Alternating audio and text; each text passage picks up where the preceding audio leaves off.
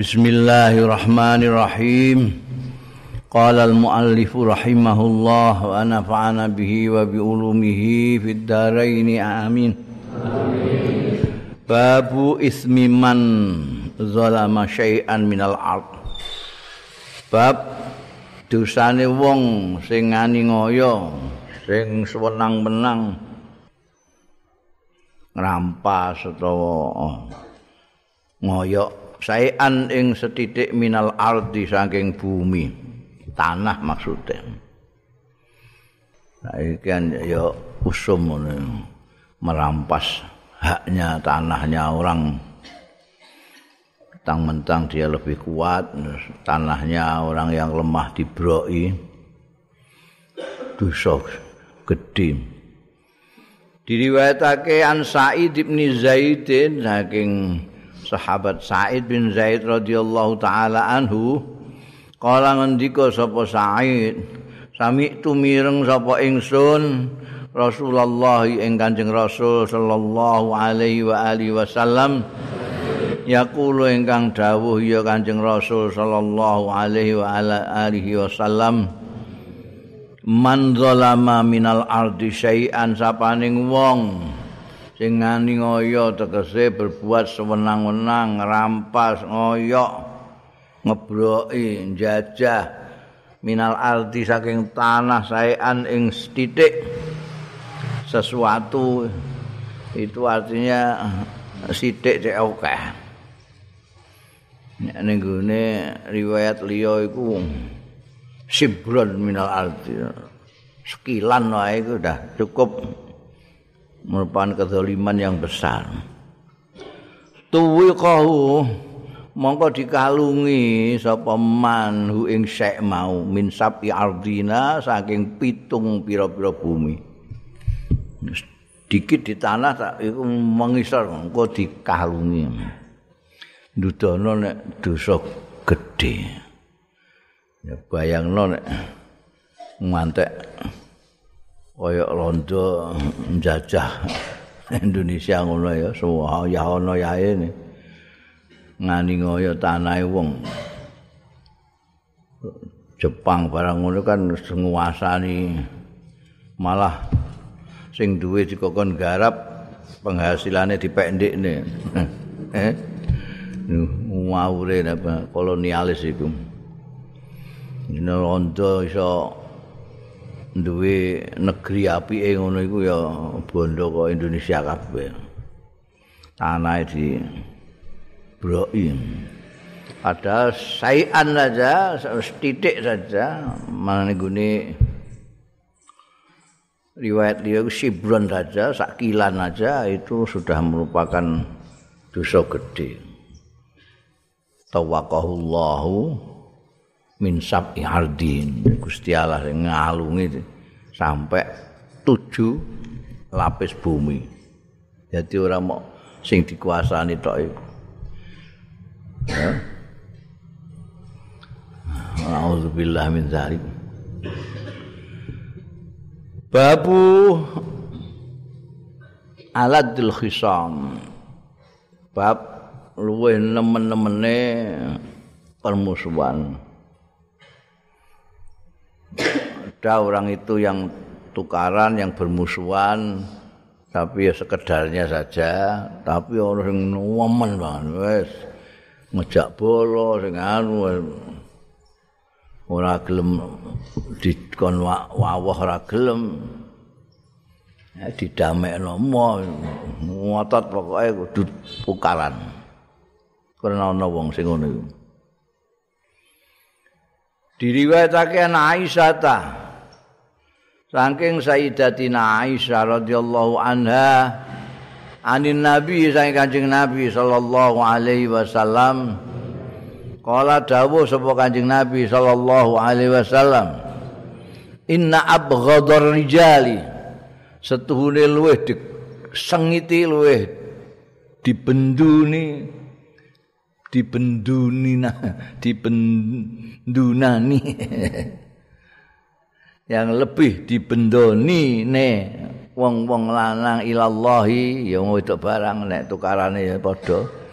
Ilallahi marang Gusti Allah azza wa jalla iku al aladul hasim.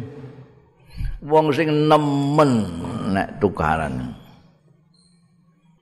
Waduh jadi paling dibendoni dening Gusti Allah taala iku wong sing nek mungsuhan iku wis nek gak mati salah sijine ora gelem leren. Aladul khasim ana wong sing gegeran tukaran dipisahno sithik leren wis. Kaya wong Mesir iku malah lucu ya wong Mesir iku tukaran kaya tenanan hmm. cekel-cekelan kene barang ayo ayo piso-pisoan sik piso-pisoan setengah jam ngono nek piso entek lagi jotosan ngono Awi nek durung ngantek jotosan kok ana sing sallu ala nabi, ana sing kongkon selawat. Ndine terus wong loro terus selawat. Allahumma sholli ala Muhammad. terus gapyuan. Biyen duwe kanca iku nuwakal. Ning Indonesia itu jadi pengasuh pondok besar, pondok gede. Biyen Mesir nakal nakal. Ini agak ngapalno pisau harap Tapi pisau-pisau harap itu iku nek mbok kelompokno iku sak buku dhewe. Mulane biyen ana wartawan senior ke Mesir Anis Mansur itu nalika ning Indonesia salah satu ceritanya yang paling menarik diceritakan oleh wong Mesir itu ning Indonesia itu salah satu keistimewaannya tidak ada satu kata pun untuk mencaci. Tidak ada satu kata pun. Pak wong. Apa iya bahasa Indonesia gak ono? Gak ono kata-kata untuk mencaci masuk gak ono. Kurang ajar ya, ya kurang ajar ya biasa nek diajari ra wis ora kurang neng. Jadi ora cacian itu, ora kurang ajar. Nek Jawa pirang-pirang ono kakekane dengku.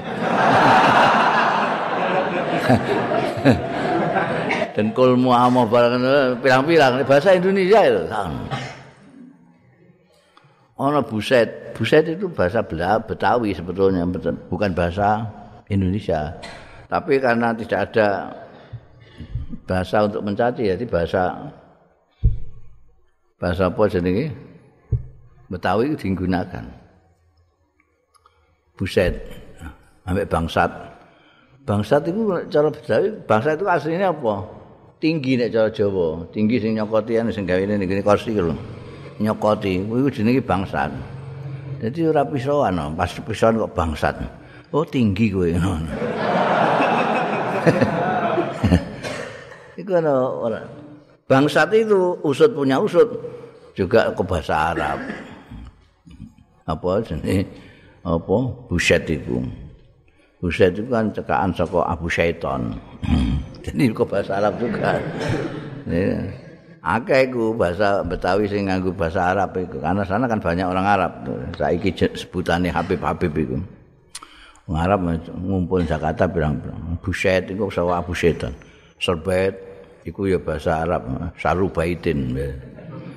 Gombal sing paling elek dhewe iku jenenge serbet. Sarubaitin.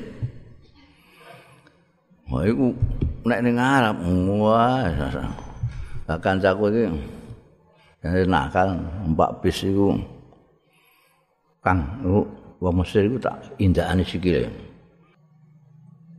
Engko nek ngamuk tenanan selawati.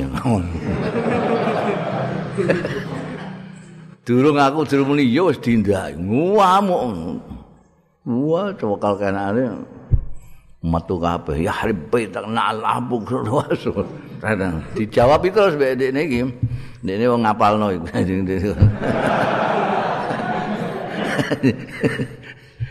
Wali kare lagi ngapalane mok sithik kentekan. Wontekan terus langsung mesti dijual terus.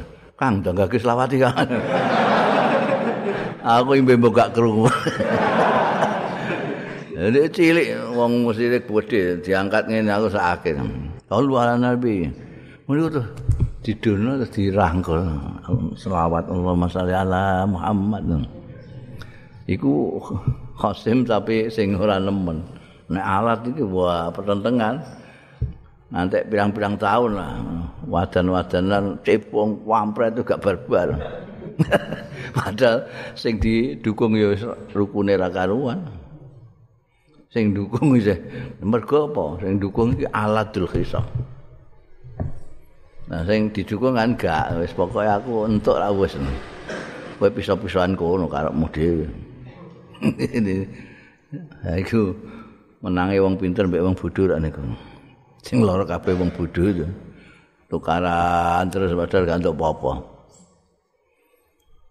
Sing dadi masalah tukaran enak-enakan bareng-barengan ngobrol, bareng ngopi. Sing kene pisu-pisuan. Mergo alatul khasm dan itu beratnya lagi. Bukan hanya gantuk gawe nah tukaran ya ono ya ini ora ono gunane iku ya. Dari kacamata agama ya wis blas ora nabi ya. Wong min husni islamil mar'i iku tarkuhu malaya ini iku gak ono paedahe tukaran iku terus paedahe apa?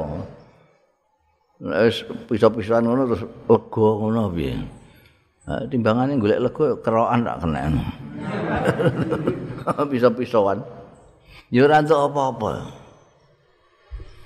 Nah, niku alatul khasim. Wes ngono. Paling dibendoni karo Gusti Allah taala. Paling dibendoni. Mbah ngerti mbah ora wana-wana iku. ngerti mbah wedi mbah ora. Nah, iki dawuhe Kanjeng Nabi Muhammad sallallahu alaihi wasallam. Inna abghadar rijali ila Allah azza wa jalla al aladul khasim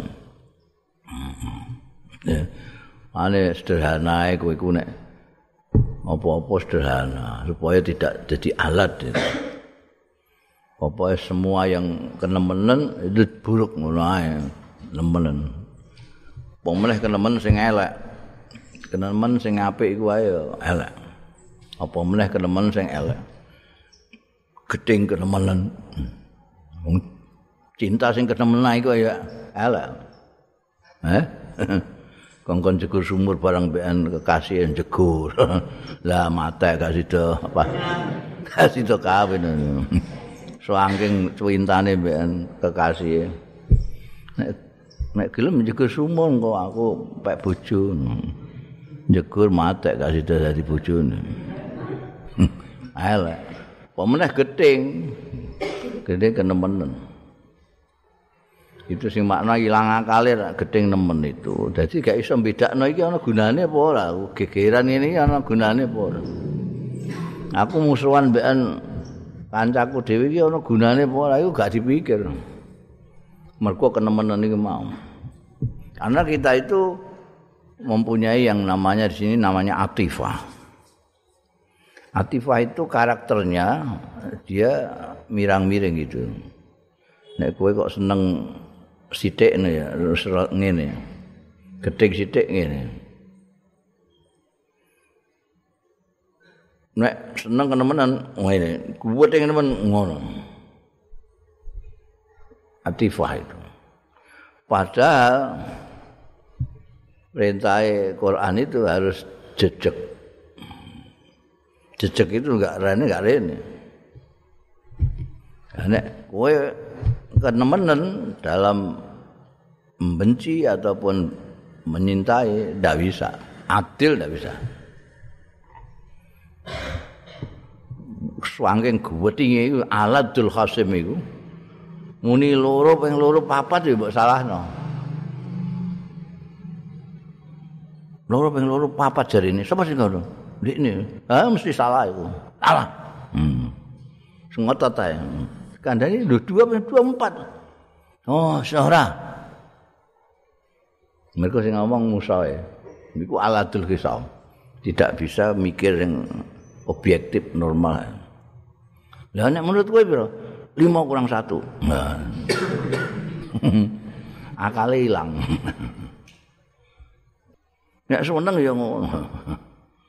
Loro ping loro limo. bener ta ora Mas? Bener, bener, bener. Cerdas kowe.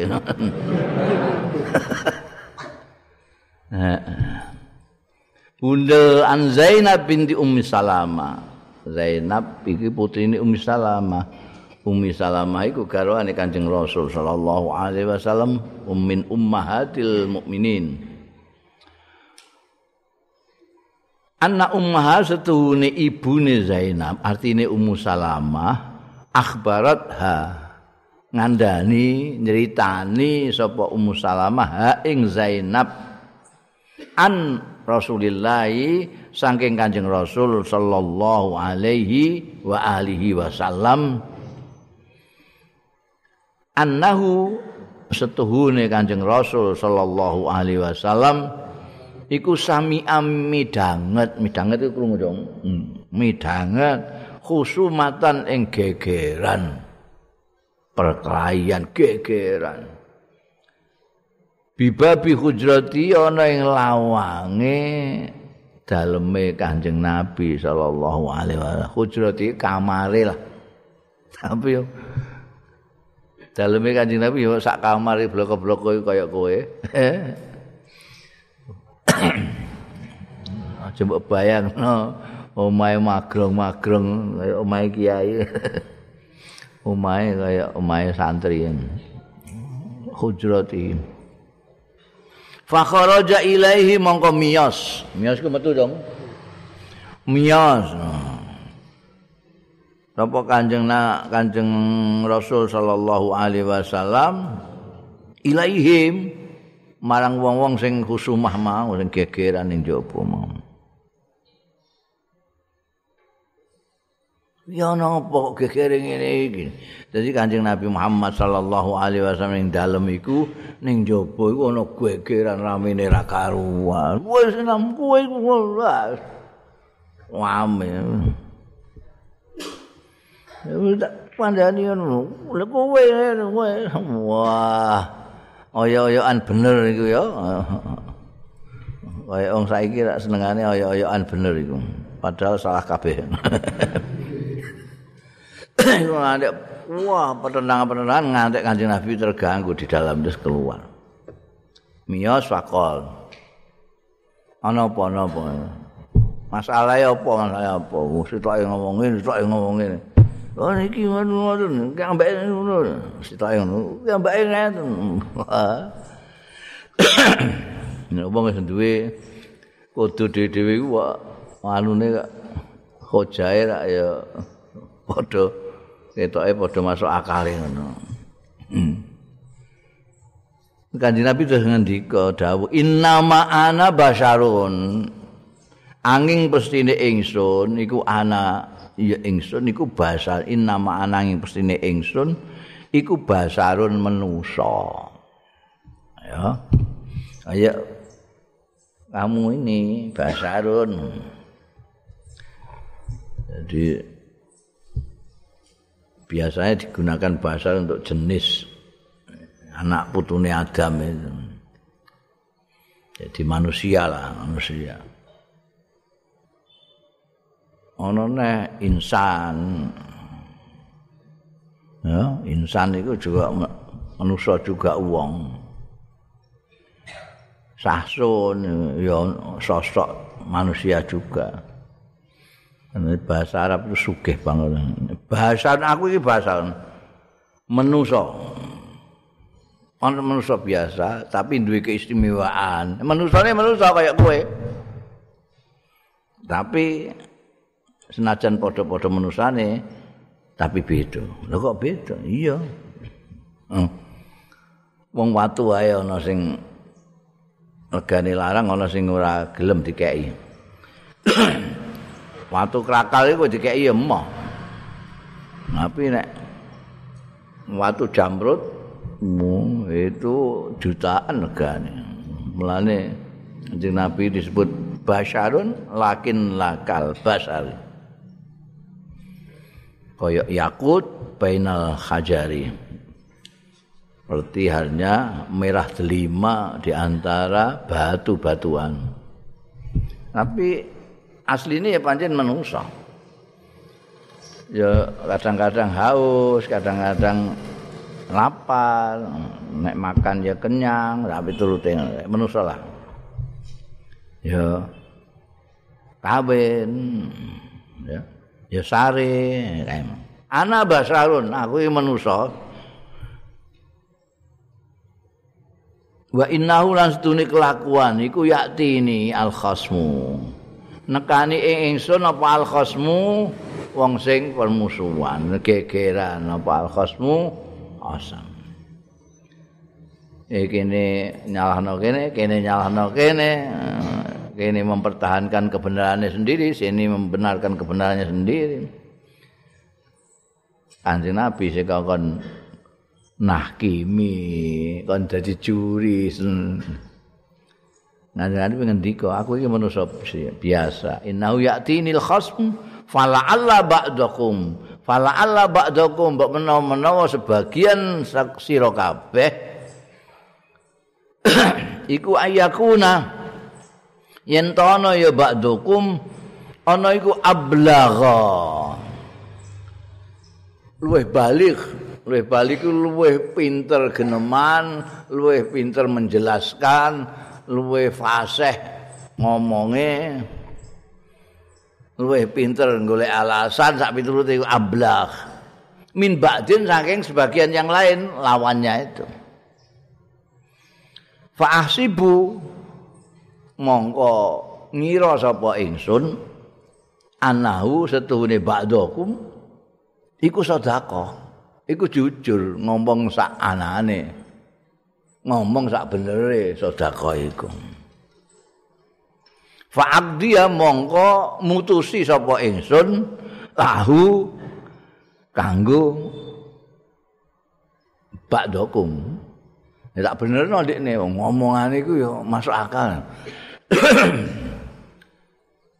Bizalika sebab mengkono-mengkono ablah mimbatin mang Paman kodo itu mongko sapane wong sing wis mutusi sapa ingsun lahu. Kanggo ya lahu itu untuk kemenangan orang itu.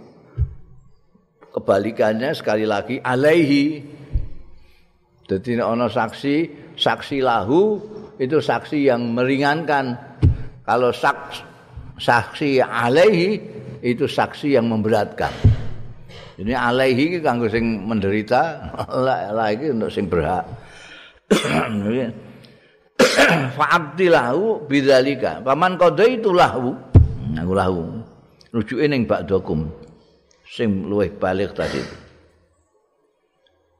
Bihaqi muslimin kelawan hake wong muslim, hake wong muslim iki ba'din sing lawane iki. fa inna ma hiya mengko angis mestine. Ya. Kok apa? Kok dia sing tak menang nama ning anu mau ya kit atun iku merupakan potongan minan nari saking neraka fal yakhudha mongko supaya ngalap ya man. Ha ing ah au fal yatrukha mongko utawa ninggal sapa man. Ha ing kit ah minan nar. Iku ana inama dua. Inama itu adatul khasri.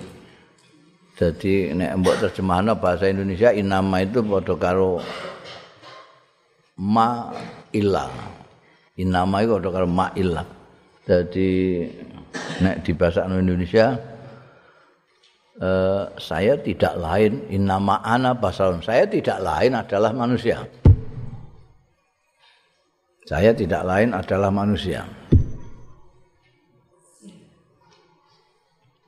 Ngendikano kan saya tidak lain adalah manusia kalau saya didatangi ada orang berkelahi minta saya memutuskan mana yang benar itu kadang-kadang ada yang orang itu lebih pinter menyusun alasan menyusun agen-agen mana yang lebih enak sehingga saya mengira dia benar Karena saking pointere ngomong. Lalu saya memenangkan dia. Ya bener iki. Kowe salah. Padahal jane bisa jadi ini yang bener tapi gak bisa ngomong gitu loh. Gak bisa ngomong, ngomong gak bisa ngomong kan ya akeh itu. Oh, wis gak bisa ngomong celat sisan, gagap sisan. Ngono. Lah iki cetha genemane anu. Akhirnya mempane oyok-oyokan sesuatu itu terus dimenangkan yang inter ngomong iki. Ini aku mutusno kaya ngono mau berdasarkan secara lahiriah. Omongane bener, tak hukumi bener. Dadi ndekne sing tak menangno. Ku ada kekeliruan itu kit atun minanar itu. Itu serah. Kowe meh mbok jiko apa gak? Iku kit atun minanar. Mereka tuke untuk kemenangan ini gara-gara dia pinter ngomong tok pinter ngomong. Mbok jiko berarti we memang sengaja berbicara bicaramu itu untuk menutupi kesalahan. Tertutupi. Wong sing mutusno hakime gak ngerti ya rumah ya bener tenang. Tapi kalau sejatinya tidak benar itu emplok dhewe nek banyak itu kit atun minanar ya jarum ngomong kadang-kadang kan wah terus syukuran mergo menang pengadilan tak piture. Kadang-kadang hanya saking pintere pembelane kadang-kadang apa penasehat penasehat itu kan ana sing pinter ana sing ora. Kumbien napa jenenge Habib Umar Tohar iku mbiyen kok anu iku sarjana hukum itu. Penggaweane mbiyen belani wong ngono iku. Jadi apa? Apokat apa apa apokat ya apa? Wis pokoke ngono sing pengacara, pengacara. Lah ini bang pinter ngomong. Bukti ini pinter ngomong. Ini tablek ya sukses ngono.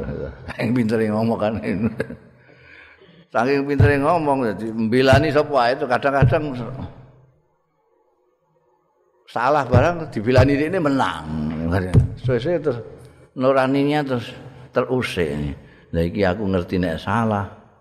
Tak bilani terus menang. iki terus aku dosa iki. Terus lahiran iku terus dadi mubalik. Keahliannya ngomongnya tinggu tableng. Asalnya tinggu ning pengadilan iku. Iki kanjeng Nabi ngendika ana nama ana basarun. Ana ngono-ngono kuwi ya. Aku kadang-kadang ya gak ngerti. Artinya apa? Ini juga berarti bahwa kita itu menghukumi sesuatu itu tidak harus tahu hakikatnya. Oh, itu kemudahannya agamanya Gusti Allah. Kita ya lihat lahirnya. Kayak wong muni la ilaha illallah kita ndak usah wah ini saking pintere ngono ini. Barang tak pendiri itu la ilaha illallah. Mati nek tak kampleng. Ora ora perlu. Kalau dia menilai Allah, ya sudah. Dia muslim. Jadi orang orang kalau Islam KTP barang itu ya. Wong Islam itu janji la ilaha illallah. Nah kita hanya secara lahir menghukum. Nah hakikatnya ya serahna Gusti Allah. wallahu yatawalla sarair.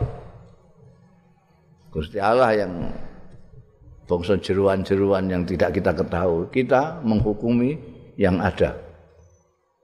Karena itu kita tidak boleh menuduh orang munafik tidak boleh. Kenapa? Karena definisi munafik itu orang yang lahirnya iman tapi sebenarnya tidak. kita ngertinya lahirnya sebenarnya kita tidak tahu mau sebenarnya di dalam hati Mergo antarane wong mukmin karo wong munafik itu wong mukmin ini njaba jero lahir dan dalamnya itu iman karo Gusti Allah. Nek munafik itu lahirnya iman jerone orang. Kita tahunya cuma lahirnya tok. Jadi jangan sok-sokan ngerti jarurane wong menyebut orang munafik.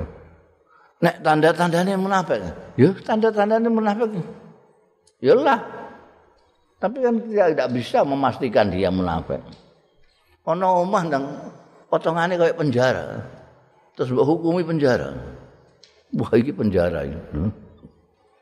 Dadi lak jerone wong wong apik-apik. Eh. Jadi ya boleh. Kita menyebut. Biar zaman kanjeng Nabi Muhammad Sallallahu Alaihi Wasallam itu banyak munafik itu. Tapi kita ketahui cuma Abdullah bin Ubay bin Salul terus Saitan itu tokohnya yang karena itu yang paling mencolok. Hampir semua orang tahu karena menyaksikan kayak apa Abdullah bin Ubay bin Salul itu di depan kanjeng Nabi kayak begitu bagusnya, begitu tawaduknya, begitu manutnya. Tapi ketika di belakang itu ngerasani gak karu-karuan wong Islam. Nah, Kanjeng Nabi diberitahu oleh malaikat Jibril. Kanjeng Nabi lalu berhati-hati kalau dengan Abdullah bin Ubay bin Salul. Terus diditeni kalau sahabat-sahabat. Maka sahabat-sahabat itu hanya niteni, tahu pasti juga tidak. Ya. Kita apalagi jangan sok-sokan kita tahu munafik orang munafik. Bunil an Abdullah bin Amrin. Saking sahabat Abdullah bin Amrin bin Al-As bin Wa'il. Abdullah bin Amrin sahabat yang senengane ibadah itu. Radhiyallahu anhuma anin nabi saking kanjeng nabi sallallahu alaihi wa alihi wasallam. Kala ngendika sapa Kanjeng Nabi sallallahu alaihi wa alihi wasallam? Arbaun ana papat. Patang perkara. Iku mangkunna. Sapane sing ana ya patang perkara mau fihi ing dalem man kana mongko ana ya man. Ana iku munafiqan wong munafik ini bukan untuk menunjuk orang sebagai munafik tapi untuk kewaspadaan kita kalau menghadapi orang-orang yang ada empat tanda-tanda ini. Karena munafikun au mangkanat fi khoslatun au sakun min rawi. Mangkanat sapaning ana man utahe sapaning wong kanat kang ana fihi ing dalem man apa khoslatun? Suatu watak sikap. Karakter kelakuan. Min arba'in saking papat. Kanat mongko ana fihi ing dalem man apa khoslatun satu karakter satu sifat satu kelakuan. Minan nifaki saking nifak hatta yada'aha. Sehingga ninggalake ya mangkanat ha ing khoslah. Redaksi ini berbeda tapi maknanya sama. Nanti redaksinya kan ada empat hal. Kalau empat itu ada yang pada seseorang maka orang itu munafik. Ah, kemudian ibarat yang kedua kalau ada orang di dalam dirinya ada satu saja sifat dari empat sifat ini. Dia mempunyai bisa dikatakan mempunyai sifatnya orang munafik. Podo apa itu empat itu? Idza haddasa kadzaba idza haddasa kadzaba.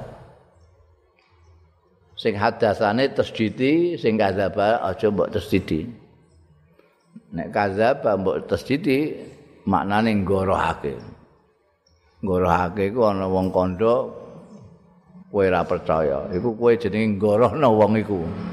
Padha karo wong-wong musyrik Mekah nggorohno Kanjeng Nabi ya. Itu kadzaba nek kadzaba iku ngomong apanane bener jujur. Kosok wangsule kadzaba itu goroh sedekah jujur. Ida haddasa tatkalane ngomong iya man kadzaba goroh. Kadzaba goroh kosok wangsule sedekah ya. Kosok wangsule sedekah iku jujur. Kadzaba nggorohake. Kosok wangsule sadaqo benerake Ini sahabat Abu Bakar dijuluki Siddiq mergo saking akeh itu benerno Kanjeng Rasul sallallahu alaihi wasallam. Wa idza wa'ada nan lalika janji sapa man? Akhlafa. Mblenjani ya man. Mlinjani wa idza ahadza lantet kalane ya meh padha iki ahada janji iki ahada mengadakan perjanjian. Ghadara cidra sapa nek wa'ada itu dia janji sendiri saya besok akan ke tempatmu. Iku ada. Jadi ngomong jadi ngomong mesti mlinjani. Sesuk dintenteni ngantek sedina gak teko. Utang diparani muni sok Selasa. Diparani Selasa ora bayar. Itu akhlafa wa'ada akhlafa. nek ahada iki perjanjian berdua tanda tangan barangan berdua saling anu ya tenan ya kowe apa sahammu semene sahammu semene iki engko dienggo anu ya wis kowe sing sing njalakno nyekel aku sing ngawasi eh. Terus diselindut sak pitu te cidra iku godaro batine ternyata banyak dikabarno mok semene tok. Iki padahal iki wong loro join, ini nanti batine bagi loro. Dene dinjalakno iku batine 10 yuta ndekne muni 8 yuta iku jenenge godaro. Wa idza khasama fajara. Nalikane tu gegeran tukaran fajar lacut. Lacut itu sing alat mau fajar lacut. Wis ora ti memisoi tapi dipisoi bapake mbuke dipisoi kabeh. Eh? Itu fajar. Itu iso mbok titeni wong iku. Tapi aja mbok tuduh dititeni ngono ae untuk kewaspadaan kita. Ana wong kok jenenge angger ngomong ora tahu bener mesti goroe. Janji mesti mblenjani nganakno akat-akatan mesti cidra. Nek tukaran muas ngawure ra karuan. Ngobong omah barang ora mau terima pecicilan matane tapi nggo pentung nggo alu. Hmm. nek misah kabeh sak keluargane dipisahi kabeh. Iku tanda-tanda wong munafik. Bunda babu qasasil mazlum. Bab ceritane wong sing dizalimi. Qasas iku cerita nek kisos itu balasan. Delok iki nggo hadise piye Nek balasan ya kisos. Abekan iku harokat iku wong sing harokat iku tukang anu Tukang percetakan ora garem. Diriwayatake an Abil Khair saking Abul Khair an Uqbah bin Amir. Abul Khair iku tabi'i Uqbah bin Amir itu sahabat. Kala ngendika sapa Uqbah bin Amir radhiyallahu anhu kulna matur kita para sahabat lin nabi marang Kanjeng Nabi sallallahu alaihi wasallam. innaka sak temene panjenengan menika tab asuna sering selalu ngutus panjenengan ing kita panan zilu mongko mandap kita singgah kita bi kaumin kawan kaum layak runana sing boten purun hormat ya kaum ing kita ngurmat iku wong biyen iku gak ana warung, gak ana hotel.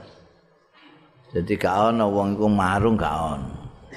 Nek ana wong sing apik ya terus diinepno ning omahe dikeki mangan. Akomodasi, konsumsi barang dikeki. Nek ketemu wong sing ngono kuwi, wong Arab itu kalau sudah Romo ya ora kaya wong Arab, nek buahil ya ora kaya wong Arab. Wong sing lomo-lomo iku malah sengaja membuat api. Sing dijeluki narul kira itu. Itu api untuk yakrunan nas, untuk yakrunan nas, untuk ngurmati wong. Kewaduan ketok padang-padang ini musafir sing jalan jauh. Alhamdulillah iku ana sing ana narul kira itu. Kesana kesana kita. Marana iku penginepan disediani, makan disediani minimal tiga hari. Nek ora eh, ya kaya apa sing diliwati Nabi Khidir karo Nabi Musa itu. eh? Ora ana sing dijaluki banyu wae gak. Njaluk ngombe gak. Gak ana gak. Teh teh pahit, teh pahit ra ana. Wis banyu, banyu ra ana, gak gelem. Rangking buah kile. Ya ana sing ngono iku. Utawa eko sahabat-sahabat yang sing diutus Kanjeng Nabi, terus keluwen ning ngene dalan mampir kampung kampunge buahil-buahil gak ana sing gelem nyugoi dilalae lurae dicokot ula. Iku. Cokot ula diobatno gak ana sing iso. Njaluk tulung karo kabat-kabat sing liwat iku mau. Mah Jaluk ngombe banyu ae kae ya saiki kok ngobati. Iso aku nek ngobati iso. Padahal ya angger ae pokoke. Oh, iso nek nambani cokot ula ngono ae iso, tapi emoh apa. Ngrepek-ngrepek gelem bayar wedhus 10 tak tambanane. Oh, katen. dilalai kok ya mari kayak sepuluh iki ngon ini kalau lewat jadi pasukan sing utusan kanjeng nabi iki mau sering singgah nih gini kaum layak runana. Orang gelem ngormati. Nak ing kita. Fama tarafihi. Mongko ing nopo ningali panjenengan fi ing dalem? Pendapat jenengan sepundi? Niki pasukan ut, utusan jenengan niki kelaparan. Tapi tiang-tiang sing diliwati ini kaum buahil buahil mboten purun ngormati. Nek saiki enggak masalah ana warung barang. fama tarafihi faqala mongko dawuh sapa Kanjeng Nabi sallallahu alaihi wasallam lana marang kita jawabi pertanyaan tadi. Inna zaltum bi kaumin lamun singgah sira kabeh bi kaumin kelawan kaum fa umira lakum bima yang mongko diperintah lakum ngarang sira kabeh bima kelawan barang. Yang bagi kang prayoga lidhaifi ketuwe dhaif kono-kono kono anu pinarak sik pinasik terus diparingi daran iku umira lakum bima yang bagi lidhaif diperlakukan seperti umumnya tamu lah. Disugoi minimal ya. Apa no jenenge? Wedang ambekan snack minimal kan gitu. Kayak fakbal. Mongko nampa sira kabeh. Ya ditampani senajan ja, apa mau gedang kluthuk bijine pirang-pirang. Ya di tampa wae. Lah nek mboten fa illam yaf'alu. Mongko lamun ora nindakake ngono ya kaum mau. Fakhudhu minhum mongko ngalapo sira minhum saking kaum haqqad dhaifi ing hae tamu. Kenek ngoyok kenek nek delok dalil iki dadi ono buake iki sampean sugoi gak ndi apa-apa lha niku gedang goreng bareng ngoten Oh, gedang goreng gua aku dhewe. Oh, bisa. Oh, ya ae. Nah, tapi aja akeh-akeh. Ya sak cukupe tamu iku hake pira kono ae. Utuh. Eh, wedang sak teku mbok go kabeh ya gak oleh. Sak eh hake tamu ya wong siji ya sak gelas ngono. Gedange sitok. Terus sak nampan mbok gowo kabeh. Gak oleh. Ya.